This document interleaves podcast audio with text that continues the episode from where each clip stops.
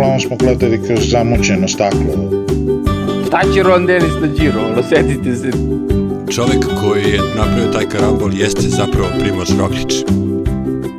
Na svakoj toj etapi Brdskoj Jack Hill je bio jači od njega i nema šta sad Ukrao roze majicu i ukrao slavu Keldermanu.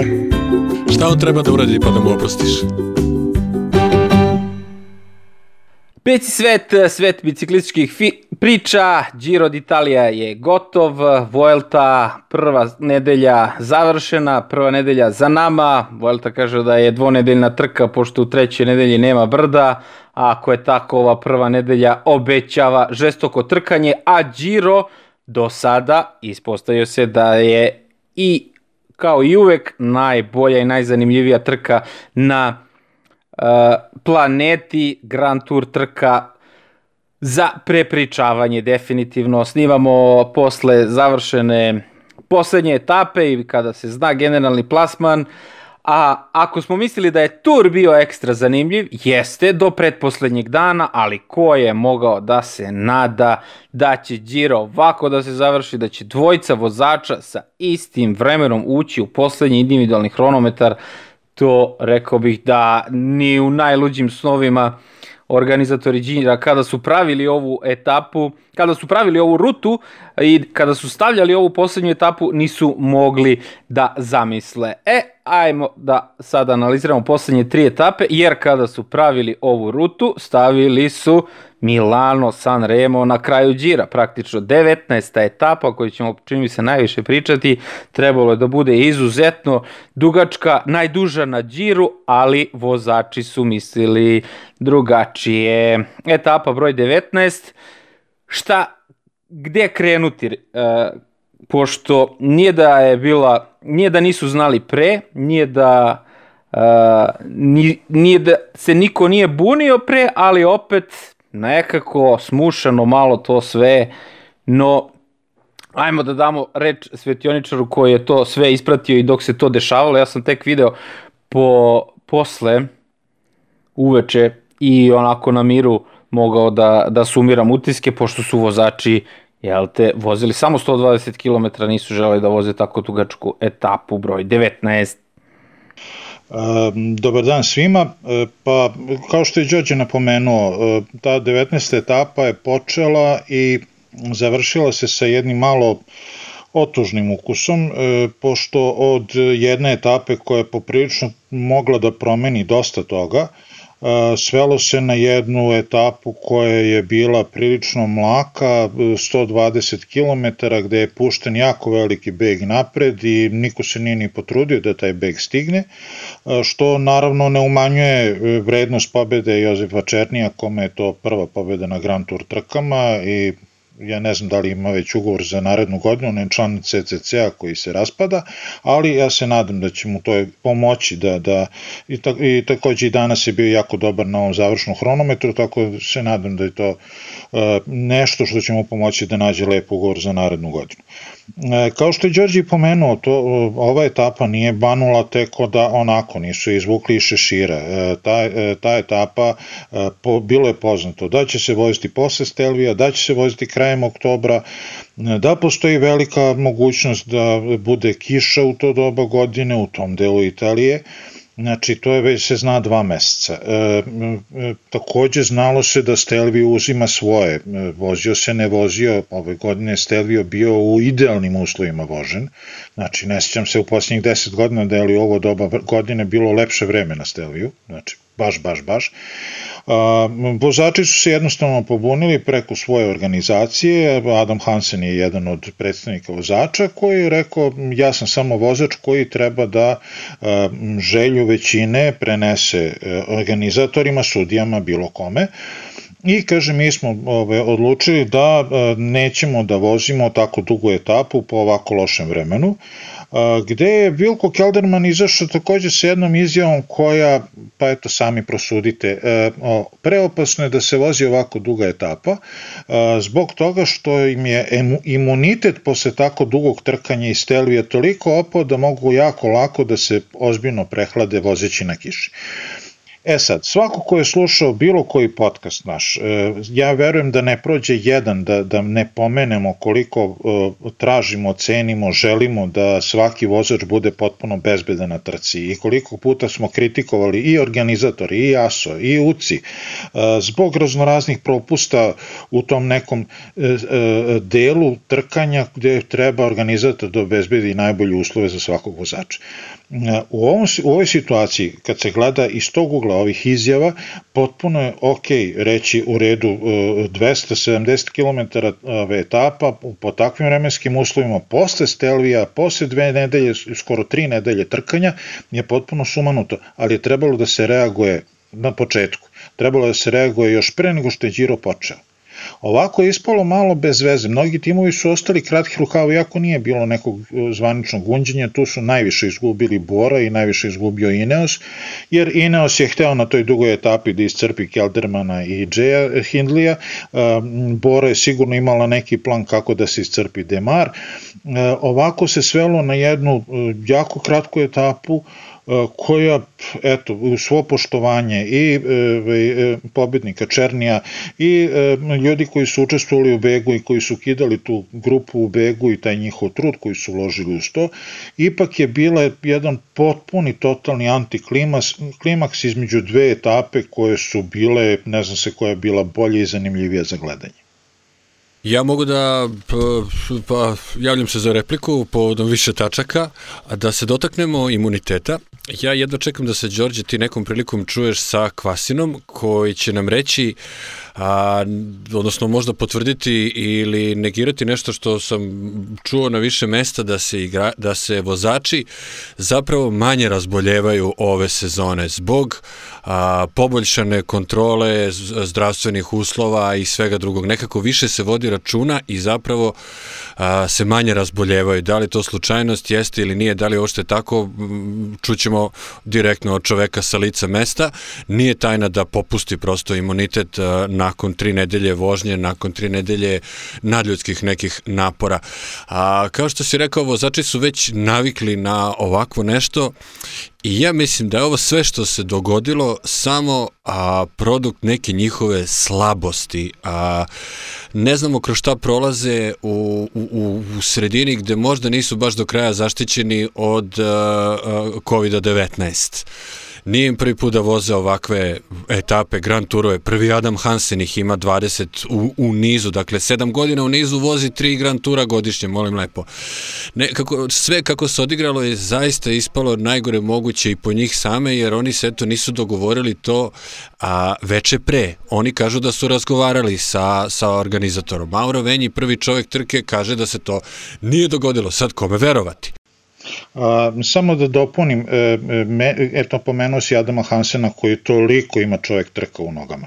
A, mene iznenadila izjava i Tomasa Degenta, koji je rekao nema šanse da sedem danas na bicikl, na, na ovo mesto neću da startujem. On koji inače zna sa Timom Velesom da sednu u sred decembra i da voze po planinama pod snegom po, po, ovaj, po Španiji, da ih posle vade iz nekih jarkova gde upadnu i sve, to je njima kod da da, da se razumemo, sve što se radi u korist zdravlja vozača, apsolutno sam za. Nisam za to, jedino što u celoj ovoj priči ne podržavam, način i vreme kako su to uradili To sam hteo da kažem, to je trebalo rešiti ranije da ne izlaze onako, onako šta su oni u jednom trenutku, neki vozači su već rekli ajde već smo se spakovali, isto nam je da li ćemo da vozimo, pa ćemo ići 25 na sat, ok, nećemo nigde stići sa 25, ali Da li sad ti sad čekaš autobuse tu negde po kiši, jer evo, treba reći za ljude da su a, vozači krenuli iz a, neutralne zone, koja je takođe bila poprilično dugačka, I onda su došli do 0 km i onda su tu čekali da, se, da, da se autobusi koji su već krenuli na, na, na cilj vrate, da dođu po njih. Sad treba da nađu tu rezervnu suvu odeću koju po prirodi stvari tu nemaju nemaju uh, tu dupliranu uh, odeću u samim autobusima. Pa ti sad čekaj tu po kiši, ulazi u autobus, vozi se ovako, onako, pa onda vozi, zaista je ispalo poprilično, uh, poprilično tužno. Ono što pravila UCI-a kažu da Dužina etape može da iznosi najviše 240 km i prosečno na Grand Touru ne sme da bude prosek etape veći od 180. S tim da se nekad gleda kroz prste trkama, odnosno organizatorima trka zbog ovoga ili onoga, svi oni imaju svoje interese, trude se da a, a, spoje neke gradove, gradovi se godinama unapred prijavljuju, interesuju da organizuju start ili cilj trke, da se prolazi kroz neki grad, svi plaćaju, naravno zbog turizma se to gradovima vraća, svi se trude da budu deo trke, mislim da je zbog toga Mauro Venji se najviše i naljutio i toliko je bio ljut na sve vozače, na kraju je rekao, zbog ovoga će neko da plati, vidjet ćete i sad sad nema nikakve nagrade i vidjet ćete sledeće godine da li ću vas zvati ili neću zvati. Sigurno se radi o tome s kim je on imao dogovor da trka prolazi kroz grad ili ne.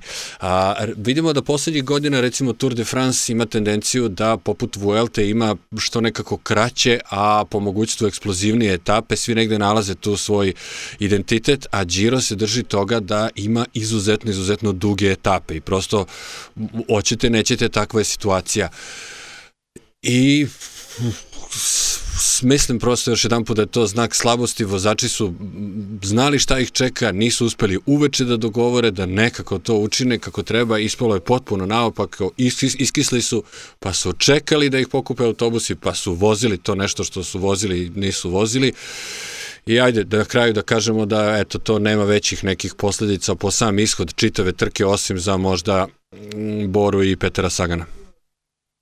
Evo što kaže ovo Pavle, meni je isto tu najveći utisak ono što su se oni grni pomrzli i, i sa ovim skraćivanjem etape. Ono, znači, nije to ništa bilo nešto organizovano i smrzli se pre nego što su došli i seli u te autobuse. Ono, pola njih isto reklo kao, brate, pa sad kad sam već mokar za ovih prvih oko 8 km uh, neutralne vožnje, mogu sad i da teram i dalje, ono, isti mi ćao.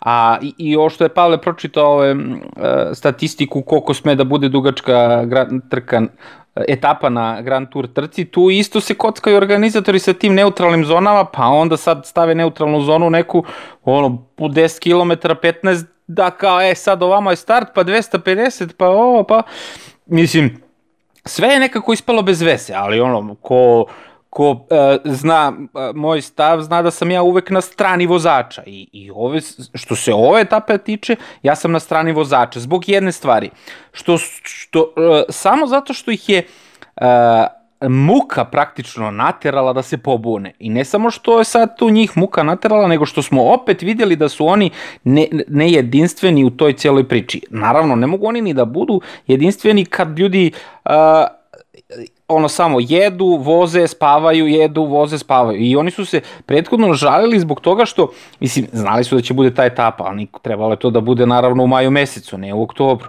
I onda što se oni žalili na te duge transfere i na sve ovo pre toga, oni su po 7 sati bili na bicikli prethodnih dana, a nisu toliko imali sna Znači, ustajali su u šest za transfere, za startove i za sve. I s te strane ja to sve podržavam.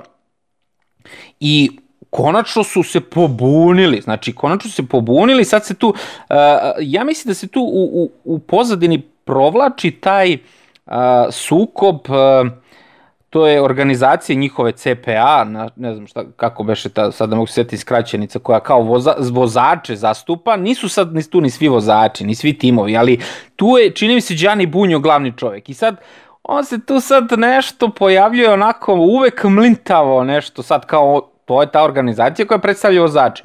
Ali svima je jasno da ni ta organizacija nije praktično na strani vozača, a i da organizatori i juci mogu sa tim vozačima da rade šta hoće. Znači, bukvalno, kad kažemo cirkus, oni su te cirkuske životinje tu, bukvalno, može, mogu ljudi da im rade šta hoće. E sad, isto ovo što je Pavle rekao, nekada su Grand Tour trke i Giro sad to zadržao, bile ono kao ultimativni test izdržljivosti. Sad to više nije, ono, mislim, sad je tu aerodinamika, šminkera i proizvođači a, opreme i svega toga, ali opet a, na nekako čini mi se u celom tom lancu poslednja karika i, i najslabija karika su vozači. I meni je drago da su se oni sad nešto pobunili. Kako god je to bilo smešno i, i opet se promrzli nisu, ali opet su oni nek, digli neku uh, reč protiv nečega. Sad, da li će to izaći na, na nešto pozitivno za njih ili neće, to čisto sumnjam, ali ajde videli smo neku pobunu kakva god ona bila, naravno da ljudi se bune ono baš kad je, kad više nema, kad više nema dalje. I mislim Mislim da ništa oni praktično od ovog neće uraditi, zato što je odmah, kad ste pomenuli Hansena, odmah je Lotus su dali rekao, je, pa nije to naš stav, to je stav Hansena. Onda su ovi izbore pustili onog njihovog, e, kako se zove, e, ovo sad sam zaboravio, Italijan ovaj, pa je on rekao, znaš, mi kao, mi kao Bora nismo sad bili, ovaj Benedetti, Cezare Benedetti, mi kao Bora nismo bili za prekidanje, pa vi kao Bora znamo kakvi su vaši stavovi i kako se vi kao Bora odnosite prema svemu ostalom, tako da opet je tu nesloga ono najmanji zajednički sadržalac u celoj ovoj popuni. Imam jedno pitanje za vas. Da li mislite da je zapravo Ineosu na kraju odgovaralo što je skraćena etapa? Setite se poslednjeg uspona u Sestrijere i klaćenja Gegenharta. Da li je možda zapravo nekako preovladao je stav pre a, pretposlednje etape da zapravo je to oštetilo Ineos jer su želeli da dokreće Sunweb koji je bio načet prethodnog dana, A ako se setite poslednjeg uspona u Sestrere, da li možda odgovaralo Gegenhartu što se nije vozilo još 120 km? Vidi, da li, šta bi bilo drugačije ili ne bi bilo drugačije da je ta etapa vožena u tom njenom punom iznosu, pitanje je sad ono što, su, što smo mogli da vidimo za vreme te skraćene vožnje, e, to je da su bukvalno svi tu vožnju iskoristili da se odmaraju. Znači, koliko se odmarao Teo, toliko se odmarao Sanbe, to, toliko su se svi odmarali, sprinteri su bili potpuno nezainteresovani, e, čak su i u jednoj takoj, da opet ne vraćam lopticu na Boru, čak i u jednoj takoj ovaj, situaciji Bora opet napravila katastrofalnu grešku, pustivši prvo beg, pa posle nisu mogli da stignu beg i na kraju su pukli bez veze, sat vremena su motali. U svakom slučaju, ono što, što je sad pomenuo Đorđe, da šta je dobro u, u tome, da su, eto, jedan jedan put vozači podigli glas, jeste dobro je, ali ja bih samo podsjetio na, na izjavu Bradleya Wigginsa, e, koji je rekao, ako već dižeš glas, diži, diži za nešto važno. Znači, on je pomenuo ovu, sad ceo ovaj pokret koji mesecima krenuo iz Amerike, pa je sad ceo svet obuhvatio Black, Black Lives Matters, eh, koji, zna, ovaj, koji se bori za zaštitu prava eh, tamnoputih ljudi. Eh, ja znam da je nekoliko puta, pošto pratim i druge sportove, u drugim sportovima biciklizam prozivan kao jedan od sportova koji ništa ne pokazuje na tu temu i stalno ide sa, sa fotografijom, stoje na, na liniji starta, svi vozači i obavezno stave Kevina Rezu u prvi plan. Realno u, u svetu bicik, profesionalnog biciklizma nema puno tamnoputih vozača, ali oni imaju sva svoja prava kao ljudi u svojim zemljama, da li doživljavaju ili ne doživljavaju raznorazne oblike rasizma, to je sad posebna priča, ali recimo za to biciklisti se nisu pomerili. Nisu se pomerili ako ništa drugo zarad svoje egzistencije uh, od biciklista biciklizam je sport u kome su najlošije podeljene pare od televizijskih prenosa. Znači, nisu se pobrinuli zbog toga. Ja se sećam samo još jednom da su stali i to je bilo da li u Kataru ili Omanu gde je ono bilo kada je naišlo peščana oluja. I kada je ceo peloton se nabio pod neki nadvožnik i rekli im nema šanse da vozimo ovom izginućemo. I to je jedini, znači ima milion drugih stvari zbog kojih bi morali da se bore da kažu nećemo, izađu na start i ne krenu. Pa ba, baš to, i to je on, to se zaboravio, ali to je Bradley Wiggins 100% upravo. E, niko se nije bunio kad je ono, sišao helikopter odne onu ogradu koja je razbila po faci onog malog dečka Vakermana iz uh, ovog uh, Vini Fantini tima, dečko završio u bolnici, Vini nije, Zabu. nije, Vini Zabu, da, nije, nije znao gde je, on, nije, on se nije sećao da je vozio Giro, niko nije podigao glas, a da, da, da stvar bude gora, ni njegov tim se nije pobunio, zašto? Zato što su oni pre par godina imali uh, jedan sličan incident gde su uh, ovi mahali sa onim, uh, na sprintu mahali sa onim reklamama i gde je jedna reklama posekla negde da li po ramenu ili po, po licu njihovog vozača pa su oni galamili pa mi ćemo tužimo organizaciju pa džabu i onda mućak brate posle jedno pet godina ih Giro nije zvao na trku i ništa, oni bukvalno reč sad nisu rekli, nisu pominjali ništa, čak su i komentatori Raija pričali kao uh, incident desio se, niko nije pominjao da je to, brate, čista greška nekog ko je vozio taj helikopter ko nije bio dovoljno iskusan. Znači, greška živog čoveka koji ne sme to da radi. Što kaže Wiggins, buni se za nešto dobro. Ovo je isto, znači, opet kažem, ja sam na strani vozača, iako su to uradili, i super, i ja sam sve za, ali nekako su malo delovali da su razmaženi zato što eto nećemo sad da vozimo po ovoj kiši, pa malo smo umorni pa džabu i onda kao voze 120 km ladno, kiša imunni sistem i onda brate pola grupe nema šuškavac uopšte, ono voze u kratkom dresu, gole ruke, gole noge, znaš. Na startu je bilo 11 stepeni. Neka mi neko objasni da je to sad... Uh A, da, da, je to, da su to neki ekstremni vremenski uslovi. Svi pratimo Mihaija Simiona, našeg čoveka, odnosno čoveka iz našeg, da kažemo, regiona, Rumuna, koji pomno prati biciklizam i on je onako bio poprilično poludeo, nije ošte stao na stranu vozača i naveo je dobar primer da se trke mogu, odnosno skraćivati, odlagati, pomerati u slučaju extreme weather protokola, odnosno kada su vremenski, kada su ekstremni vremenski uslovi nesvakidašnji. Ovde toga nije bilo. Mislim da je njima samo više bilo, a, mislim da su vozači samo prosto bili u strahu, pod tenzijom sve vreme, ne samo od vožnje 22-3 dana za redom, nego od tog čitavog covid koje je tu među njima, gde, gde osjećali su se da su možda slabije zaštićeni i zbog toga su tako, da li to sad bilo da li je bilo 70% vozača, dakle, jedan određeni deo uopšte nije bio za to da se ne vozi i ne na takav način da se, da se to radi, da se tako prekida.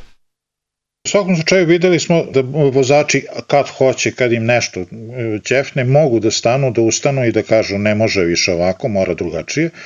I nadam se da to ovo nije poslednji put i da će sledeći put kada tako nešto urade, da to urade u pravo vreme, neka to bude u sred Tour de France, neka bude apsolutno staću uz njih kako, na koji god budem način mogao, ali neka se nešto što će im poboljšati život, poboljšati zdravlje, sprečiti te neke silne besmislene povrede, eto Đorđe je pomenuo ovaj helikopter, videli smo i na trci oko Poljske, ono otkidanje reklama glavom onog jadnog Fabija Jakobsana koji još uvek se čovjek nije oporavio. Znači sve te neke propuste ovaj, koje čine organizatori koji prolaze tek onako, da se to spreči, da se to smanji, da se to ukloni skroz pa na kraju krajeva i ti neki globalni ciljevi i borba protiv raka dojke i borba zagađenja i protiv rasizma i protiv svega, neka se uključa aktivno u to, neka daju svoj glas, gleda ih ipak milioni i milioni ljudi.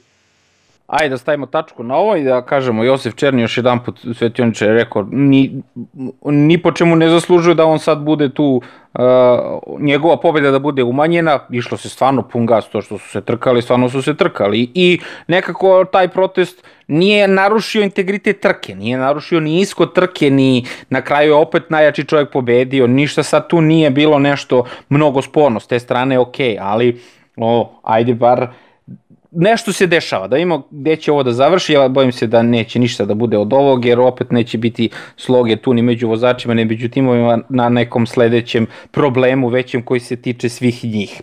I ovo što je Pavle pitao, da li mislimo da je neškom sad tu bilo lakše ili teže narednog dana, da se Ineos odmorio, ja mislim da je praktično bilo isto, da su vozili tih 260, opet bi riknuli isto i Tao Gegenhardt i Jay Hindley, Dakle da, ono, isto, dođemo na isto, umorni su bili pa su umorni i na kraju krajeva i jedan i drugi su iskočili u prvi plan tek u trećoj neku, u polovini druge, u polovini trke i u trećoj nedelji su počeli oni da se trkaju za svoj generalni plasman. I na ovoj 20. etapi Jay Hindley sve učinio, čovjek pokušao, napadao, ali ono, što kaže Pavle, Tao Genhardt jedva držao, videlo se da tu bukvalno jedva drži, Na kraju je smogao snage da ga osprinta, da uzme bonus sekunde i da u poslednji dan uđu sa istim vremenom, ali je meni tu najveći utisak e, bio svega toga i na toj etapi i na onoj prethodnoj kad, smo išli, kad se išlo na Stelvio, nismo rekli da je na Stelvio postavljen rekord, a postavili su ga opet Ron Dennis, eh, Jay Hindley, Tao Gegenhardt, 1.11 čini mi se da je bilo, ali kako? Ron Dennis se okretao sve vreme i kočio i usporavao da sačeka Tao Gegenhardta i to je meni isto najveći utisak i na 12. etapi, ej, znači oni ruše sve rekorde, a ovo se okreće ono ko, ko sa retrovizornim kao, brate, ide, ono kao, znaš, ako samo ti reci ja ću da usporim, a svi otpali, otpo Nibali, otpo Fuxland, otpo naš, njih trojica voze, što kaže Pavle, ova ima besplatnu vožnju, ali nije mu sad nešto tu mnogo pomoglo Jay Hindleyu, bilo je to na brdu, pokušavao je dečko, nije da nije i tu se ček, nekako meni videlo na liniji da je on već tu kad nije uzeo ni etapu i kad nije mogao da osvoji neku sekundu više da je već bio psihološki poražen je kao ne ja šta tražim na hronometru tog poslednjeg dana. Tako mi je to izgledalo. Ono, dakle, bukvalno je bila psihološka borba između njih dvojice, ali mislim da isto bio uh, Tao Genkart u prednosti zato što je on onog trenutka uh, kada je otpao Geran Thomas, on se nije vratio po Geranta Thomas ono kad je bilo na etni, kad su vozili, već je vozio u grupi i to je prvi put za mene bilo da vidimo plan B tima Sky, to je tima Ineos, koji je na kraju urodio plodom. Ne zaboravi da je Jay, Jay Hindley na toj poslednjoj etapi koja, se vož, koja je vožena u Sestrijere uzeo prolazni cilj. On ne samo što je pokušavao da pred kraj otrese ta, nego je i na tom prolaznom cilju uzeo 3 sekunde. A, ono što je e, što smo kasnije pričali nešto po Twitteru, što smo se kuckali, a, ja sam verovao da će Tao da dobije ovaj prolazni e, e, hronometar samo zbog toga što je Tao u Ineosu i imao je kao mentore dva najjača hronometraša trenutno na, na Džiru, što, se, što su i pokazali rezultati ovaj, Džira, e, ovog samog hronometra.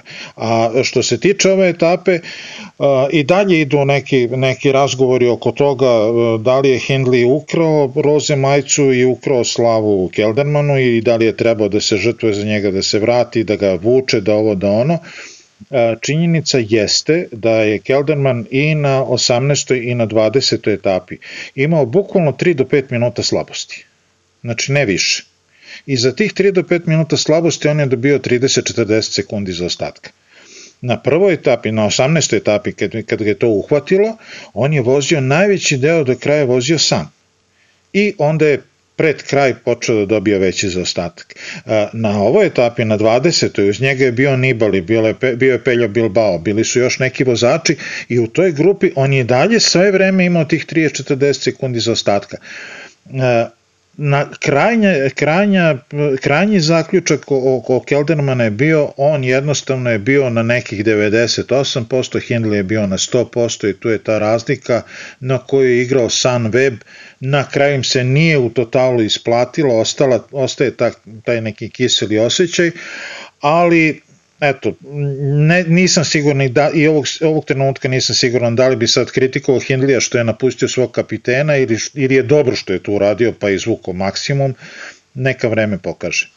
Ja mislim da to je ipak dobra odluka. Sad, da, da li je Jai Hindley ovakav ili onakav, uh, on je na, a, ako je to neka sreća, barem taj neki nesporazum neće još dugo vući, manje više sada već uh, dok ovo snimamo, oni se polako rastaju, jedan ide za Boru, a jedan je nedavno, odnosno bukvalno ovih dana potpisao produžetak ugovora I sad da neko ponudi Sunwebu dva mesta na podijumu na početku trke, obe ručke prihvataju. Sad ako im je neko rekao pa možda ste mogli za 25 sekundi 30 da dođete i do prvog mesta, verovatno bi se sad tu pitali gde su mogli nešto možda eventualno više da učine, ali ovo na kraju krajeva im nije loše. Malo kad se olade, par dana, nedelju dana kad prespavaju, generalno sponsor će biti zadovoljan što nažalost je izuzetno, izuzetno bitno i oni eto i sa jednim još mladim čovekom, nije baš najmlađi na svetu, ima 24 godine, ali jeste mladi vozač, a, a, a,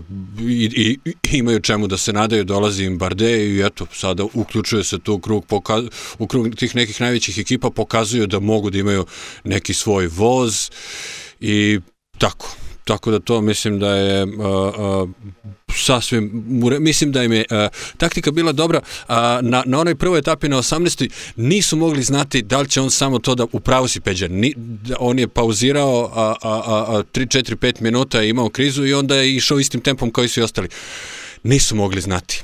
Mogao da ima 7 minuta za ostatka i na 20. etapi još 7. Tako da eto, rizikovali su, ostali su bez pobjede, imaju dva mesta na podijumu, treba da pevaju. Slažem se, potpuno, potpuno se slažem se.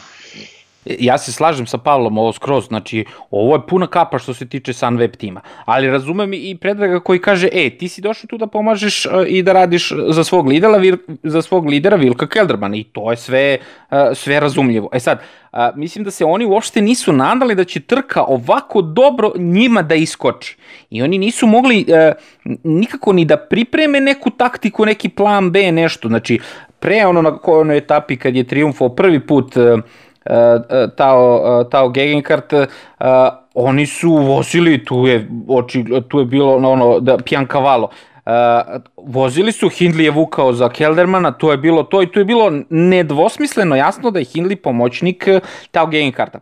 Međutim, sad kad mi sad pogledamo to, Vilko Kelderman, uh, da je, pardon, Hindley uh, pomoćnik Vilka Kelderman. Međutim, Kelderman je uh, prvi put lider, on ni jedno, ni, nema neku sad istoriju dobrih rezultata na Grand Tour trkama. Znači, ovde je iskočilo samo po tom treningu i po tim brojkama. A onda, ko bi mogao i od sam Weba i od svih da se nada da će do, da otpadne i Geran Thomas, da će da otpadne i Steven Krauswijk i ko je sve tu još usput otpo i ovaj Vlasovi za stane da Yates, Spino i Yates, da, da, znači toliko ljudi, znači ono više ne, više ne možemo ni da se setimo koliko je tu favorita otpalo, da sad iskoče tu i Tao Gengekard, DJ Hindley i Vilko Kelderman u prvi plan. I a, sa te strane oni čini mi se da su izvukli maksimum, jer sad kao izgubili su trku, dobro ok, ali šta su mogli drugo da urade? Ništa. Znači, onog trenutka kad je, kad je što kaže Svetioničar, Vilko imao 3 do 5 minuta slabosti, u tom trenutku Jay Hindley bio je sa ovima napred i izvukli su dva mesta na podijumu. Sada smo, ma, ajde mi pametni i ovo, snimamo posle završetka džira, ali da je on vuko i, i uh, sa njim bio sve vreme tu, oni bi možda sačuvali jedno njihovo mesto na podijumu, možda Kelderman, možda ovog uh, Jay Hindleya, znači bio bi tu Almeida ili ko već s njima, ali ovako imaju dva mesta na podijumu, znači uh, obrnio kreni, najjači čovjek je pobedio, to je bio Tao Gegenhardt koji opet sad možemo da idemo i na ovu 21. etapu i na 20. isto mu dođe, koji je opet ispao kao plan B, koji je opet došao kao pomoćnik, isto kao što je Jay Hindley došao kao pomoćnik Vilka Keldemana. Tako da, Uh, je ovo, mislim, svima bilo situacija koju niko nije mogao da predvidi, sa koju niko nije mogao da napravi neki plan i neku taktiku, koja je morala nekako tako na drumu sama od sebe da se reši po onome ko je jači a očigledno je bilo da je jači Jay Hindley od Vilka Keldermana, to se videlo i na toj 18. etapi i na onoj uh, 15. etapi i na 20. Znači, na svakoj toj etapi Brdskoj Jay Hindley bio jači od njega i nema šta sad, nije sad uh, Vilko Kelderman uzeo pet Grand Tura pa došao na šesti, pa sad ova je lidera nisi ostavio. Mislim, moje neko to viđenje te liderske pozicije u timu koja što se tiče svetioničara se apsolutno slažem. Znači ako je to lider, to je to. Međutim, ajde, ovo što se njih tiče, usput su menjali to sve. Da je Džaj ostao pozadi, napred bi menjali Rohan Dennis i Tao. Tao nije izašao, nije video vetra jedan sekund. Oni bi napred otišli malo više, pa bi taj zaostatak na 18. etapi bio veći za Sunweb. Tu se već ne slažem, mislim da bi bio manji za ostatak i mislim da bi bila situacija da je Kelderman na vrhu, da ga Tao prati sa recimo 20-30 sekundi za ostatka, a da ovaj mali ostane treći, što bi bilo mnogo povoljnije pred, pred ovaj hronometar, ali to je sad potpuno šta bi bilo kad bi bilo. U svakom slučaju pojavili se ljudi koji misle drugačije, da li je to bila, čija je to bila odluka, Znači, e, e, Vilko je, e, mogo je Vilko da kaže da, da, da potpuno ugasi ovaj požar i da kaže na kraju 18. etape, osetio sam da mi nije dobro i rekao samo idi guraj, ba, možda čak ne, nije to ni bilo tačno, možda bi potpuno suprotno, ali bi sve ove, ove kalkulacije koje nam se sad motaju po glavi bile potpuno obrisane. A, opet, s druge strane, ko je taj koji donosi takvu odluku? Već smo zaključili da vrlo često u kolima nemaju pravu i realnu sliku što se tiče vremena kad se nešto odigrava, ne mogu da reaguju na vreme, znači to je isključio bili između Hindlija i, i Vilka Keldermana, Hindley je odlučio da nagazi pedalu da prati vodeće, a, ovi Kelderman nije mogao ništa tu da uradi, to smo mogli da vidimo, i to je to. Eto. Šta on treba da uradi pa da mu oprostiš? Ko? Džaj. Niko, ne, ne, ne, ne, ne, apsolutno ne zameram. Vidi, uh, ja se sećam je, davnih dana kad sam počeo, da mislim davno, nije tako davno bilo, kad sam počeo da pratim biciklizam, pa je bio jedan prenos, baš i Đorđe prenosio, i onda sam ga udavio mailovima, zašto Contador ne pusti Krojcigera da, pro, da ga prođe, kada je Krojciger očigledno toliko jači od njega. I onda mi je Đorđe rekao, čekaj, Contador je kapitan, ovaj, radi za njega i mora da bude uz njega i nema mrdanja. I to je za mene zakon, ćao, betonirano. Nema šta sad tu sad neko se, da ne kažem sad, dogovorili smo se ovde, nećemo da koristimo vulgarne izraze. Ali dobro, ovaj, kako god bilo, ako su oni zadovoljni, zadovoljan sam i ja, Vilko Kelderman, što kažeš, već je na putu prema Bori, verovatno već polako pakuje stvari. Ovaj, e, Sunweb se oprema četom mladih, gladnih, bezobraznih, pa vidit ćemo sledeće godine kako će biti. Uh, može par uh, de detaljčića sa 20. etape. Bilo je jako lepo Arnaud Demar, pošto su oni vozili tu tri kruga, a, oko Sestriera, kako je Arnaud Demar onako prošao kad, na pretposlednjem krugu, kako je slavio. On je bio najveća tu razbibriga na čitavoj trci, on je završio posao, njemu je sva briga prethodnog dana ovaj, odneta, on je lakše nego što je možda očekivao odbranio tu majicu, tu se samo provozao, trebalo je samo da stigne unutar rampe, što ispostavići se nije bio problem. I tako eto to onako šmekerski lepo slavio na, na pretposlednjem prolazu. I da se pozabavimo a, kontroverznim Roanom Denisom koji je ovde MVP ove pobede Ineosa, odnosno Tea Gegenarta koji je, eto videli smo, imali su dve potpuno istovetne etape, stvarno je odvozio a, maestralno i u jednom onom trenutku, znači sad na ovoj 20. to koliko su Džaj i Tao bili jaki, odnosno slabi, najbolje govori činjenica da se Roan Denis u dva navrata vraćao na tempo krenuo je Džaj da skače, da skače, da skače i tu se ponovo videla ta politika Ineosa da je ipak jak tempo mnogo bolji nego bilo kakvo skakanje i ono u jednom trenutku je bilo kao montaža dve neke trke nalepljene jedna na drugu. Znači kreću Tao i Džaj da skaču, a onda se Roan Dennis onako samo vrati, a on otprilike kao da vozi po ravnom i samo ovako u, u, u slow motionu se vraća preko njih i kaže da ste pošli, ja sam ovde broj jedan na čelu, čekajte me ljudi. Znači to je bilo zaista fantastično. Jeste kontroverzana Denis, što na um, to na drum, nema dlake na jeziku, znam da ga Peđa ne obožava previše baš zbog tih nekih ljudskih elemenata, baš kao što je slučaj sa Džajem. Naime, on je na Tour de France-u prošle godine na pola napustio svoju ekipu, ja bih mu dozvolio da to da je to zaista nešto što se to što se ne radi, ali bih dozvolio da je to učinio nakon što je stvarno sve prekardašilo u toj uh, ekipi. Znamo da je kasnije tu eto dovedeno i drugo rukovodstvo da se tu malo srede stvari i on je eto doveden u Ineos uh, uh, nakon što je osvojio svetsku titulu svoju drugu na na hronometar, nije imao nikakvih nikakvih nikakvih drugih ponuda a, za da pređu neku drugu ekipu. Znamo da je na izuzetno maloj etapi, na, na maloj plati u, u Ineosu bukvalno je došao tu da bi bilo gde vozio, ali ono što ja volim kod njega jeste da kad se pojavi, on uradi ono što se traži od njega.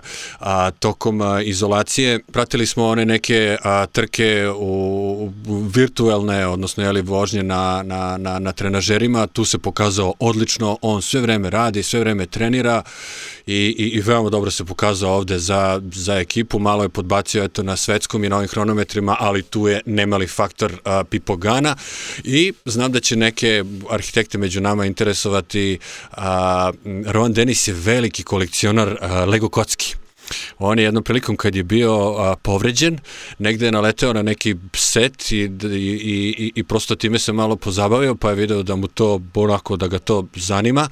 I sad već je onako, rekao je sam, poprilično preteruje, sad ima i dete pa kupuje tako tim povodom i kaže ako mi set ne oduzme 5-6 sati u životu, ništa nisam uradio, kupuje one velike, one Eiffelove a, a, tornjeve, bele kuće i, i, i ostalo sve, tako da zaista ja lično sam 1000% za njega, jeste taj gaf sa Tour de France prošle sezone nešto što se ne radi, ali rekao bih da je uradio to kad već stvarno više je bio izludeo od svih njih tamo. Kupuje one arhitektonske kockice što, što koštaju ko, ko pravi objekat. e, nikad nisam za to da i ne, apsolutno ne opravdavam nikoga ko napusti bojno polje. To je Rohan Denis uradio i ne jednom prošle godine i napustio je trku mislim u Alpima ili gde već bila u, u, u drugoj nedelji trke ili peti dan trke ili tako nešto jer je odlučio da je taj dan njemu posljednji dan priprema za taj mesec i više mu ne treba i bukvalno se spakao i otišao. Isto to način na koji je otišao iz, ovaj, iz ekipe za vreme Tour de France šta god da je bilo. Znači, on napustio je, ne, ajde što on imao protiv te uprave ili šta god da mu je smetalo, napustio je svoje suvozače i to za mene je ogroman minus i nema šta da krijem, ja ljude takvog karaktera ne volim. A, s druge strane, apsolutno mu se mora odati priznanje i ova, ovaj pehar koji je na kraju ponao Teo, Tao Geo Gegenhardt i barem polovina tog pehara ide Rohanu, Rohanu Denisu, tu nema, nema zbora. E, slušao sam jedan intervju s njim danas, e, e, kaže da na toj 20. etapi da je, jer svima je palo u oči, čekaj, ti si 18. etapu odve, odvezo nadljudskim naporima, uradio strašnu stvar. Očigledno je tu 19. etapu iskoristio za odmor kao i svi drugi, ali na 20. etapi si vozio još bolje. Što ti kažeš, dva, tri puta se vraćao nas, da oni po, sko, krenu skok na skok, od 200 metara ispred njega i eto ga ide mašina dolazi. I onda je on rekao da ovaj, naravno sad se osjeća super kako je sve prošlo, ali da je na nekom 40. kilometru imao krizu i da jednostavno nije mogao da okreće pedale, da je bukvalno imao neku blokadu. I e, kaže, samo sebi sam rekao ti si ovde da pomogneš štau, uradi šta možeš. I onda je okret po okret, okret po okret, opet se vratio u neki ritam koji mu je odgovarao, ali to mi nismo videli. E, I ono što je u svakoj toj, e, u svakom tom nekom takmičenju gde se pokazuje snaga jednog prema drugom, taj izostanak pokazivanja slabosti je takođe jedna pobeda, to je nešto na osnovu čega svi drugi mogu da donose razno razne zaključke da te napadaju kako ne treba, to ćemo, to ćemo da pričamo malo kasnije kad budemo pričali u Vueltu, ali e, e, Teo, apsolutno, ovaj, pardon, Roan, e, šta god je mislio o njemu kao, kao osobi, o, da je na ove dve etape doneo praktično e, zicer šansu, što bi se reklo, ono, penal za, na prazni gol Tau, to je uradio i za to svaka mu čast. MVP, što reče Pavle, nije mogao praktično da bude bolji vozač e, i kontroverzni vozač MVP vozač uh, ovog, ovog džira, ono, bukvalno uh, da smo nekog mogli da izaberemo, ne bi to bio on. Samo da napomenem još jednu stvar, on je došao u jedinu ekipu koja mu je ponudila bilo kakav ugovor, došao je kod Sira Brailsfolda koji je čovek psiholog, po diplomi, po fakultetu i on zna kako, verovatno zna kako treba prići raznoraznim karakterima koje ima u svom timu, koji ima svaki ima svoje neke mušice i bubice i verovatno i njegov pristup Roanu ima velikog uticaja na to da je Roan tamo čovek od poverenja i čovek od zadatka i čovek koji radi to što treba da radi. Potpuno luda glava, setit ćemo se da je u jednom trenutku onako otvorio društvene mreže i tu je imao onako simpatičan humor, a onda ih je zatvorio par dana nakon što je, kako se zove, probio onako karantin, otišao je, nije više mogao da izdrži i seo je kola i odvezo se tu, ne znam, on živi, čini mi se u Gironi, odvezo se tu ovaj 20 km okolo, čak je stao, slikao, pohvalio se na društvenim mrežama da je izašao, u Španiji je to bilo mnogo gore nego li kod nas, nego to je potpuno, tako da je to potpuno jedna luda glava, ali kad se radi ovaj, o trci, kad nije u ekipi Bahreina, onda je zaista 1000% na mestu. Eto, još jedan put da, da završimo sa njim. Ron Dennis MVP definitivno, a pitali smo se pre koliko park podcasta kao šta će Ron Dennis na Giro, ono setite se ko je ne znam podcast bio svetioničar, pitao mi ko, pa tu stvarno šta radi, gde je, ono kao, a čovjek ispade najvažniji čovjek Gira, znači bukvalno kao što je to bio Christian Van de Velde 2012. godine na Giro za rajdera Hesedala, koji je isto zadnji dan na kronometru od Rodrigueza uzeo Giro, tako je isto ovo bio Rowan Dennis za Tao Gengikarta koji je zadnji dan na kronometru uzeo Giro i bravo, svaka čast, Ineos prvi put, što se mene tiče, prvi put uspeva plan B s te strane kapa dole, do sad ga nikad nisu imali, ja sam bio prvi koji ih je kritikao, ali sada svaka im čast, Ineos osvaja Grand Tour. Samo posljednju rečenicu. Svedoci smo godinama koliko drvlje i kamenje, e, barem u, okruženju koje ja pratim u, u, na društvenim mrežama, da tako nazovem moji biciklistički drugovi, ovaj, svi su protiv Ineosa, to jest Skaja. Te proziva se za ovo, proziva se za ono, sve nešto između redova se čita ovako, onako. Prvi put sam doživeo da veći deo moje lajne na Twitteru navija za Ineos da naviju za ta, da Tao dobije ovu trku, jer odjednom to više nije onaj Sky sa raznoraznim balastima koji su ih vukli godinama, ovdje se pojavljuju novi klinci Gana, dobro znalo se za njega iz mlađih kategorija, tek treba se dokaže. Čovek cepa, kida hronometre, ide u brd, vuče u brdima, pobedi jednu brdsku etapu. Navarez, za koga ljudi, garantujem pola ljudi nije ni čulo do pre, do pre ove trke. Uzima etapu, nažalost povredio se i to treba napomenuti. Napadaju generalni plasman bez izuzetno jakog čoveka za podršku. Navarez je brdaš. I čovjek pada. Bez dva čoveka. Dobro, ne možeš Geranta Tomasa da računaš da je on tu, onda bi se vozilo za njega i ko zna kako bi se ta trka odvila. Ali čovek, dva čoveka manje u ekipi. I to je, da, eto, na kraju kraja bilo koja smena da se radi, imaš jednog čoveka manje. Znači, e, prvi put sam doživao i ja bih volao da ovakav vino zgledam i dalje. Znači, i meni je se smučilo raznorazni njihovi crni, zeleni, plavi vozovi koji već boje. Ove, ovo bre, pet ljudi napada etapu, pa ko dobije, dobije, pa umeđu vremenu se provuče, neko vidi ga, ovo je dobar za generalni plasma, ajde ga guramo. Znači, meni se to strašno dopada. Ne samo to, ne samo to, nego čoveče trećinu džira su oni uzeli. Znači sve ovi Grand Tour trke koje su oni pre toga uzimali, oni dođu vuku jedna eventualno etapa, dve ako budu brda frum i to je to. I ne, znači ne mrda ni Kvjatkovski, ne mrda niko nigde. Znači trećinu džira osvojiše oni sad i osvojiše džiro. Pa šta ćeš više, svakan čas. Mislim, možda vas ne volimo kako god hoćete, ali ne možda vam ne poštujemo ovako srčanu i super vožnju i plan B, meni je još bolje plan B, znači uopšte ovi svi ljudi koji su posvajali ove etape, što kaže Svetioničar, da je ostao uh, da je ostao G2 ekipi, pa niko ne bi mrdnuo napred u beg, niko ne bi mogao da, da, da, da uzme ni prolazi cilja kamoli ovih sedam etapa. I ta borbena se prenela na, na Vueltu i pričat ćemo sad o tome kako se Vuelta dalje odvijala, uh, uh, poslednje tri etape.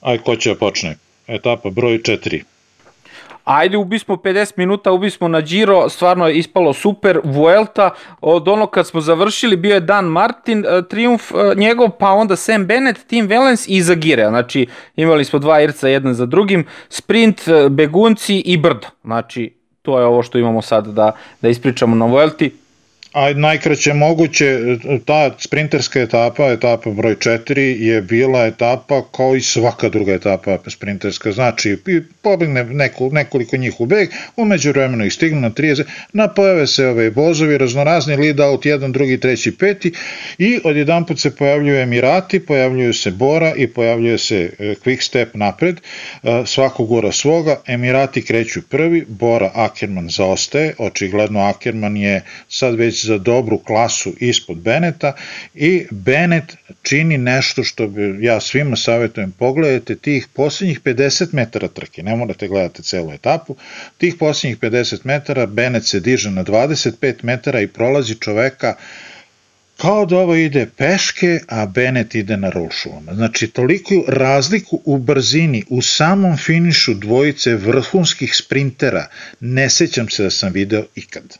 Plus Bennett je ostavio svoj ovaj lead out, rekao je, izvinite, vi ovo ne radite dovoljno dobro, ja moram ipak baš, moram sad da krenem, ako sad ne krenem, neću stići.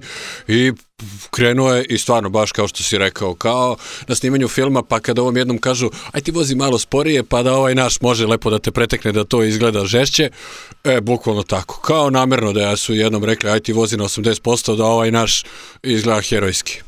Ne, to je kao da si dva lera u nekom video, ne, u nekoj video produkciji preklopio, onda se zeznuo pa na jednom pustio po, pogrešnu brzinu, a ovog pustio u, ubrzano. Znači, bukvalno kao jednom da se u, zamrzo kadar i čovek izlete, ode. Ja stvarno nisam vidio. E, a ovaj mali danac, danac, ovaj belgijanac Jasper Philipsen ide kod uh, ovih u Alpecin, znači bit će tu Marcel Meissen, Tim Erlier, sve sprinteri brzi, znači sve odlični vozači i kod ovog Matthew Van Der Pula, tako da se oni žestoko spremaju da čini mi se i oni uđu na velika vrata u u, u Grand Tour i na, na te prave trke na kojima neće više morati da se, da se bore za, za učešće sa, tim, sa tom wild kartom. Stvarno je bilo što kaže, ko usporen snimak da je ovo bilo, mada krenuo je dečko pre poneo ga je onaj sprint, ona ciljna ravnina kad je video jao, jedno je moja linija, ali ništa od toga na kraju nažalost nije bilo. Onda posle toga smo imali begunce i interesantan poker u završnici, ali najiskusniji čovjek je pobedio ono i najbolji prijatelj ovog Toma de Genta kog smo pominjali, Tim Velens, nisu, nikako nisu mogli sad njim da se tu izbore Julian Martin i ovaj mali Holandez i Sam Weba Arensman Tako da je to e, bila ta borba, a pozadnje je bila borba, boga mi, za sekunde, Rogla je sprintao, kao da je hm, hm, hm, osjećao da to nisu one njegove noge sa Tour de France više da polako pada forma, što smo posle vidjeli na toj brdskoj etapi broj 6 da je neke pravde da ikako možemo da napišemo neku peticiju Julian Martin da dobije jednu etapu na Grand Touru, čovjek se ubi stvarno, ne znam, e, e, predivno je vozio na Tour de France-u, sad vozi fantastično na Vuelti, ali mu stalno izmiče, on je non stop napred, non stop je u begu, non stop je visoko plasiran, ali nikako da ga, da ga potrefi ta neka mrva sreće, on je posljednji ovaj, sprintao sa Timom Velensom, Tim Velens je krenuo u sprint, pa ga je Martin dostigao i kad je počeo da ga prolazi, svi smo pomisli, aha, Tim Veles je ovog trenutka puko. Međutim, ispravila se staza taman za toliko koliko je Velensu ovaj, odgovaralo, umanjio se nagi pred, pred ciljem i tu je Tim Velens nabio razliku koju Martan više nije mogao da stigne i baš mi je žao. Znači, koliko mi je drago što je Tim Velens pobedio, jer realno volim čoveka, volim da ga vidim i zaista mi se dopada način na koji prolazi kroz sve trke, Toko mi je žao ovog čoveka, jer e, do, do ove godine nisam ga nešto zapazio mnogo, ali od Tour de France gledam stvarno koliko se trudi i on je za jedno 17 dužina pre, prešao granice Kofidisa, on bi morao u nekom većem, boljem timu da, da nađe uhlebljenje i da se napravi neka lepa ekipa oko njega, on je čovjek idealan za generalne plasmane. Jeste ispratili pad Dena Martina? Samo onako, nisam u detalje. Ali video sam kad su se podizali sa, sa pod, ono, upleteni bicikli sa stanom i to. A jeste ispratili ko je izazvao taj pad? Movistar čini mi se. Da, Movistar, a ko je presekao put Movistaru. Dakle, ne vidi se to u samom a, direktnom prenosu, to a, a, sam zakače igra u slučaju kada sam ostao i nakon proglašenja i svega i svih onih grafika, onda se vidi snimak iz helikoptera i čovek koji je tu napravio taj karambol jeste zapravo Primož Roglič, koji je tu pa možda zaslužio 20 sekundi kazne. Tu je išla ta jedna S krivina otprilike, ili recimo prvo ide znači, na desno pa na levo. On je tu bio sa unutrašnje strane, i po sili inercije, po, po, po zakonima fizike, on je malo tu, a, a, nije se držao svoje putanje, nego je malčice ispravio krivinu I, I zapravo tu je vozač, čini mi se iz Movistara, ne znam tačno ko je, je zakačio prednjim točkom njega i onda je naleteo Dan Martin i svi ovi ostali koji su se posle tu naslagali. Sada ne znam kako su razmišljali organizatori trke, odnosno ne organizatori, nego komisija UCI-a i ko već to čini, ko već zadužen za to. Uh, A, nakon svega toga bilo je tu čarlame koje vreme, kome dati, to je bilo unutar 3 km, pa ovaj Grošartner je možda dobio koji sekund bonifikacije, pa sad tu šta koje vreme davati, da li njemu oduzimati taj sek, te sekunde ili ne. Na kraju je svima ipak pisano sve lepo vreme i Rogla se tu, ja mislim, provukao kroz iglene uši. Da, to sam se ja odmah pitao koje će vreme da daju Danu Martinu kad je Roglić pokidao grupu i kad su različite grupe tu došle na cilj. A ono što kaže Pavle, izvuko se da, da, da svi dobiju isto vreme i on se izvuko, mislim, a to je u sprintu sad te neke devijacije i to. Ovo nije sad bio klasičan sprint, pa niko čini mi se da to od sudija nije ni gledao, ali da su vraćali kao Pavle, Pavla ćemo da kandidujemo za uci sudiju, samo da, da ispolaže one sve testove kad je ovo sve ovako super video. Ne, da, znate kako sam video? Slučajno sam video. da. Nema veze. slučajno. 20 sekundi slučajno. Meni je, sa, a, kad se već pomenuo, nikako da, da, da, da, da kažem, a, izuzetno drago da vidim Dana Martina ponovo u, u jednoj sjajnoj formi, u jednoj, stra, jednoj sjajnoj atmosferi. A, čovek se bori kao u najboljim danima, a, on nema neke velike uspehe preterano, ali je stalno tu, stalno je u vrhu i on je jedan od onih tvrdoglavih e, biciklista, dok mogu da dišem, ja ću da okrećem pedale. Znači, kod njega nema predoje kako god da mu loše ili dobro ide i e, eto, taj pad ga je verovatno omeo ko zna u tom sprintu možda bi stigao četvrti, peti, jer nije bitno, ali ako ništa drugo, barem nije imao neke štete, jer je praktično vrh e, generalnog plasmana ostao nepromenjen do tog trenutka. Mene isto Dan Martin izuzetno simpatičan, on nekako ne doživljavam ga kao pravog pretendenta na, na, na titulu na trci koja traje pune tri nedelje, gde je poslednja nedelja ovako ubistvena kao na Džiru ili manje više na svakom Grand Turu, te u tom smislu njemu ovakva postavka sa ovim, sa ovom Vueltom koja traje dve, dve i po nedelje, uz to da je na samom kraju izuzetno laka, to njemu zapravo odgovara. Ono što je to što si rekao Peđa kod njega, da on se ne plaši da jednog dana napadne i da ode, pa da onda već sutradan ili u narednim danima plati ceh.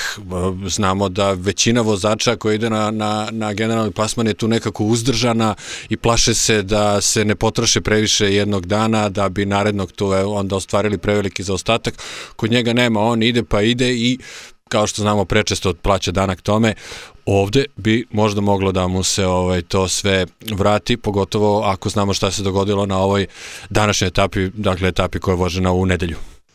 Samo još da pomenem da u vreme kada je Sky bio najjači i Frum bio najjači, eh, jedini kog je Fruma napadao su bili Contador i Dan Martin. Jedino su kontadori Dana Martin znali da skoči i da krenu napred, svi ostali, Uran, Quintana i svaka ostala bratija su sedeli iza Skaja i čekali nešto, što naravno nikad nisu dočekali. Tako da i zbog toga ima moje najdublje poštovanje. Vuelta sad ide na dan odmora i opet idemo u brda. Znači sedma etapa uh, Villanueva de Valdegovija isto gore dole ima brdo pri kraju etape, znači bit će žestoko i onda imamo Alto de Moncalvillo, znači brdo ono, cilj na brdu što se kaže i dugačka etapa, ne baš dugačka, ali poprilično dobra etapa, 170 km, ali ne visoka neka brda, 1600 metara nadmorske visine, ali 50 km zadnje brdo. I ovo što se desilo na, na šestoj etapi, Formigal, Ramon Formigal, Johnny Zagire triumfovo, a Karapas preuzeo uh, lidersku majicu od Rogliča, kiša, težak dan, uh, Nije nešto pretarano dugačka etapa, ono što smo rekli, Giro ima taj ultimativni test izdržljivosti, sve je bilo po 200 i kusur kilometara, ovo je danas što se tiče Vuelte bilo 150, koliko, 146 kilometara, ali kiša do, uh, ozbiljna kombinacija brda, tri brda jedno za drugim na kraju je dovelo do toga da smo vidjeli prvi put eh, da eh, Roglić je malo u problemu i što se mene tiče to me i tekako raduje, zato što će se sada tu okuražiti i te ostale ekipe i, i Dan Martin i svi ostali i vozit će to, uh, vozit će to sjajno, napadaće, sad se tu uključuju Hugh Cartier, drugi u generalnom plasmanu, znači Endrik Mas, pa Roglić je dalje tu, pa i treba da vidimo Ineos koji ima tu Fruma sada kao pomoćnika za svog Karapaza, Chavez je opet isto bio dobar, znači u prvih deset tu je žestoka borba, De La Cruz je iz Emirata tu, Pols iz Bahreina može se možda probudi u toj nekoj drugoj, trećoj nedelji, on je tu isto 11. I tako da sad ćemo da vidimo, ja sam rekao u prošlom podcastu da će ovu Vueltu svi da koriste za trening, da uigravaju ekipu, jer jednostavno ono, ostvarili su svi šta su ostvarili, ovo je sve plus, sad ova Vuelta što se održava, svaka čast ovo što će to da izgura, mislim da svi imamo poverenje u njih da će ova Vuelta da ode do kraja koliko god e, da to bude da koliko god da bude ova, u, u Evropi opet uh, loša situacija što se tiče korone, oni imaju taj, isprobali su taj uh, sistem tri odvojena balona što se tiče vozača, timova i organizacije i unutar timova mastera mehaničara da se to ne, ne preklapa. I oni će to da izguraju i svi će, rekao bih, iskoristiti ovu Vueltu da ono ko urade malo fine tuning što se, što se e, ekipa tiče, jer ovo je bukvalno pola Tour de France je ovde, znači i Roglič, i, uh, i Tom Dumoulin, i Carapaz, i Hugh Carty isto bio na Tour de France, i Daniel Martin bio na Tour de France, i Enric Mars, i Valverde, i Chaveza smo isto gledali, tako da je ovo nekako ono kao za mene mini Tour de France. A, ova etapa, etapa broj 6 na Vuelti, e, ima nekoliko karakterističnih detalja. Prvi je što je pušten jako veliki beg, 24 čoveka su bilo u begu. E, peloton je bio jako mali. Znači, napred 20 i nešto ljudi, peloton je bio negde između 40 i 50 ljudi. Svih, svi ostali su otišli, praktično svi sprinteri sa svojim ekipama su otišli u grupeto i rekli ćao zdravo, nećemo da kisnemo, jer se vozilo sve vreme po izuzetno lošim uslovima. Znači, sve vreme kiša, e, sve vreme ovaj, e, vetar, i e, problem koji je e, nastao e, za ekipu Jumbo Visma prvo u trenutku kad su kapirali da su u beg pustili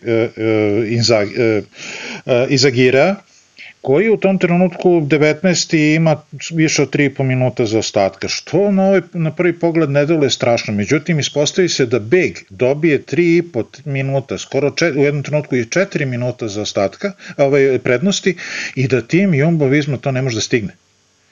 Znači imaju čoveka koji im direktno puca na prvo mesto na preuzimanje majice. A, tu su se dosta potrošili. E, zatim na negde 30 km e, pre cilja e, Rogla je imao mehanički kvar na biciklu, dok je stao, dok je zamenio bicikl, izgubio 20 sekundi. Bennett ga je vraćao, junački, i nije mnogo vremena prošlo koliko se, dok ga je vratio, ali to vreme je, za to vreme je potrošena snaga ohoho, jer stalno pričamo, krenuli su ovu Vueltu 200 iz mesta, znači svi tuku kao da je klasik, kao da su sutra se ne vozi trka, kao da uopšte nije trka koja će da traje još ohoho dana. I e, na takvu jednu brzinu, u takvoj jednoj brzini i najmanja greška i najmanja neracionalnost u trošenju snage ovaj, e, uzima se, uzima, plaća se danak. E, to je, malo, da se nadovežem na sliku od malo pre o, na jednom, o jednom novom Ineusu koji trenutno vlada. Stalno pričamo, Castroviejo napada kao da je sam, kao da nema ekipu uz sebe, kao da je došao na, ne znam, svetsko prvenstvo i vozi sam za sebe.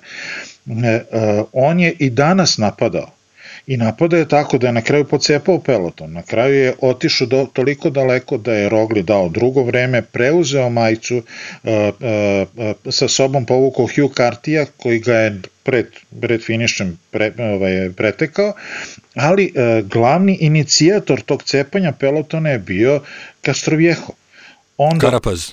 Karapaz, pardon. A, ono što smo malo prepričali o tome da, da svi imaju taj neki osjećaj za slabost drugog. Kako su videli da Rogla više nije, nema tu eksplozivnost, da nema tu svežinu? Svi su skočili.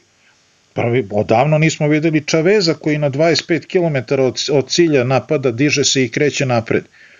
I ono što treba apsolutno pohvaliti pobednika, a, Izegire je danas vozio ako postoji kopija Ala Filipa iz najboljih dana, danas je Izagire vozio tako. Napao je, bio je u begu, napao jedno desetak puta, a, ne, u jednom trenutku je pobego iz, pobego iz bega i imao skoro minut prednosti. Po toj kiši, po toj vodi, vozio je u nekim trenucima pogibeljno. Srećom te su putevi kojima su išli dovoljno široki, asfalt lep, ravan, bez džombi, bez pukotina i svega, on se po toj kiši niz strminu spuštao 103 km na sat. Toliko je pokazala grafika na ekranu. I ako je iko zaslužio milijardu posto da dobije ovu etapu, zaslužio Znamo da Roglič, iako nije osvojio Tour de France, jeste dobro vozio na trkama nakon toga i sigurno vozi na krilima tog čitavog dobrog nastupa, koliko god možda doživao razočaranje na samom kraju. A recimo, ako gledamo kako se recimo tempira forma vozača, Rogla je bio na vrhunskom nivou još pre Tour de France, još tamo početkom avgusta, sredinom avgusta. Tour de France je počeo uh, 29. čini mi se avgusta, i kaže 1. septembra. A setit ćete se da su Richarda Karapaza vratili, pripremali su ga za Giro. Dakle, on je sad tu negde, Rogla je sad već neko vreme i haj haj na svom najvišem mogućem nivou i on sad majstor već je tu sad onako na 110% na svojim tim nekim uspesima, pa sad već mora polako da počne da pada. Ok, prošlo je i, i, i vremena i vremena od kako se završi Tour de France, ali posle on vozio Lijež, vozio Svetsko, e, e, sve nekako tu jeste imao vremena da, da, da se malo odmori, ali zapravo je sve vreme aktivan. Karapaz je proradio tek u trećoj nedelji na, na, na, na turu. On imao tu neki zaostatak, mogao je na, na početku tura, mogao je sebi da priušti da u drugoj nedelji možda malo negde odustane ranije, pa jeste u zadnjoj imao one tri vezane etape kada je napadao, jednu je uzeo sa, sa Kvijatom. Mislim da on nekako sad još uvek tu u uzlaznoj nekoj putanji i da nije nemoguće da su oni dobro sa njim to natempirali. Igrom, potpunom igrom slučaja. E, meni je, e, znači stalno mi je e, u glavi taj generalni utisak da se Ineos promenio i da Ineos sad vozi napadački, ne ono na silu, na snagu, pa ćemo da iscrpimo i da, da ubijemo svaku nadom svim drugima, nego se napadamo, trkamo se.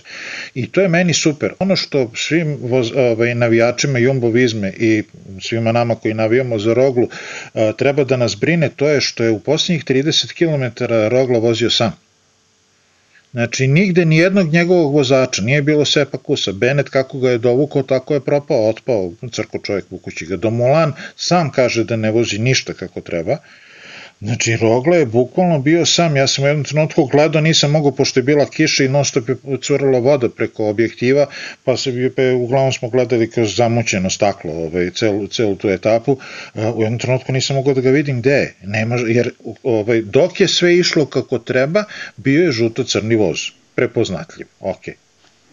I bukvalno će sad da im bude opet, e, rekao bih, dobra situacija što se njih tiče. Da izvuku pouku, to jest izvukli su pouku sa onog Tour de France sad koji su izgubili onako slavno, ali evo sad će da imaju tu priliku da vidimo da se trkaju protiv Ineosa, onako kako su postavili Tour de France. Evo im sad Ineos ima majicu napred, uh, Karapaz je lider u generalnom plasmanu, Karti je tu na 18, pa ovaj na 20, pa znači u 3 minuta je prvih 10, znači Valverde u prvih 10 i dalje kapa dole ispisniče moj, Alejandro Valverde 3 minuta okruglo, ali Ineos će biti taj na čelu, na čelu pelotona narednih dana. I ajde da vidimo sad taj Jumbo Visma koji treba da se trka protiv Ineosa kako su to i bili postavili na Tour de France-u, a uopšte se nisu, uh, nisu nije i Ineos bio protivnik. Tako da ovo je prava prilika za uh, sada ono što kaže Pavle Karapaz je, rekao bih, na vrhucu forme. Ajde da vidimo sad kako se vi sa malo slabijim Rogličem trkate, onako morate se trkate taktički, ne možete više, niste superiorni kao što ste bili na Tour de France-u, jedin kako će sada postaviti to, jer sigurno Roglič je najborbeniji vozač kog smo videli prethodnih 2, 3, 4, 5 ono, godina na, na, na ovim manjim trkama i na Grand Tour trkama. Znači, on nijednu Grand Tour trku nije završio ispod podijuma, ono, i sedmodnevnu trku u zadnjih koliko ono godina uh, unazad, ono, kad je krenuo pohod na te, ono, ovo Done Baskije, kad je već šta počeo da pobeđuje 2017-18. Tako da, evo sad, baš me zanima kako će da se odvija ova trka sa dosta dobrih pojedinaca i sa, evo, dva tima koja će biti tu izuzetno jaka, koja znamo da su jaki, i sa trećim domaćim timom, timom Movie Star koji će ono na mišiće i na, na, na svu svoju čudnu i, i uh, interesantnu i besmislenu taktiku trkati se narednih dana. Ono, I sa Solerom, sa Valverdom i sa Enrico Masom koji su tu u prvih, u prvih deset. E, mislim da ono, Vuelt, radujemo se Vuelti još narednih dana i možemo sad podcast da prevedemo kraju. Još nešto za kraj da dodate, završna reč. Pa, kad smo završavali Giro, propustio sam A, Joao Almeida se vratio na četvrto mesto. Znači, fantastičan utisak za nekoga ko, kojem je prva godina ovo da je profesionalac, koji je, rekli smo, nije, nema Remka Venepula, lepo ste podsjetili, on je tu trebalo da bude druga violina. Fantastičan utisak, utisak stvarno. Svaka čast. Meni je najdraži utisak trenutno što je Giro završio i što je sutra dan odmora na Vuelti i najzad ću ko čovjek da odspavam, više neću ko kameleon sa dva oka na dva ekrana da gledam šta se gde dešava, ali već od utorka pozivam sve da ovaj, pogledamo zajedno Vueltu, obećava odličnu zabavu i kako je ova godina krenula kilavo i kako smo mislili da biciklizma neće biti, na kraju smo nagrađeni sa trkama koje su sve bolje od bolje i verujem da Vuelta neće zaostati ovaj, za Tour de France i za Girom i eto, daj da izguramo i ovih narednih desetak dana koliko će trajati trka, pa da onda se povučemo u jazbine i možemo da pričamo na druge teme do sledećeg proleća. Danas je trebalo da bude vožen Paris Roubaix i pogodite gde je padala kiša. a, a, da ispratimo Vueltu do kraja, imamo tu još e, par dana, koliko ovo ima još etapa, 18 etape se praktično trka, znači još 12 e, etapa ima do kraja i onda nastupa depresija. šta ćemo posle, imali smo po tri trke dnevno, šta ćemo posle ćemo da učimo kako se vozi na pisti, ako bude bilo trka na pisti, a, ovaj, a umeđu vremenu će ovo, ciklokrosisti verovatno baš nas briga za sneg, oluje, ledene i sve ostalo, pa ćemo da gledamo i njih malo. Wood Van Aert planira da se vrati u ciklokros, izgleda da mu nije dosta tuče se Matthew Van Der Poolom na drum. Eto, da nas Svetioničar najavlja još jednu zimsku dobru sezonu, a mi da vas pozovemo da se pretplatite na naš YouTube kanal i da nas ispratite na ovim audio platformama na kojim inače slušate uh, podcaste, lajkujte nas uh, Preporučite nas e, prijateljima da poslušaju oni ako prate biciklizam i to je to što se tiče za ovaj podcast pred kraj, pred ovu poslednju nedelju oktobra koja će biti i tekako zanimljiva što se tiče uh, trkanja u Španiji. Prijatno i do slušanja. Pozdrav. Ćao, doviđenja.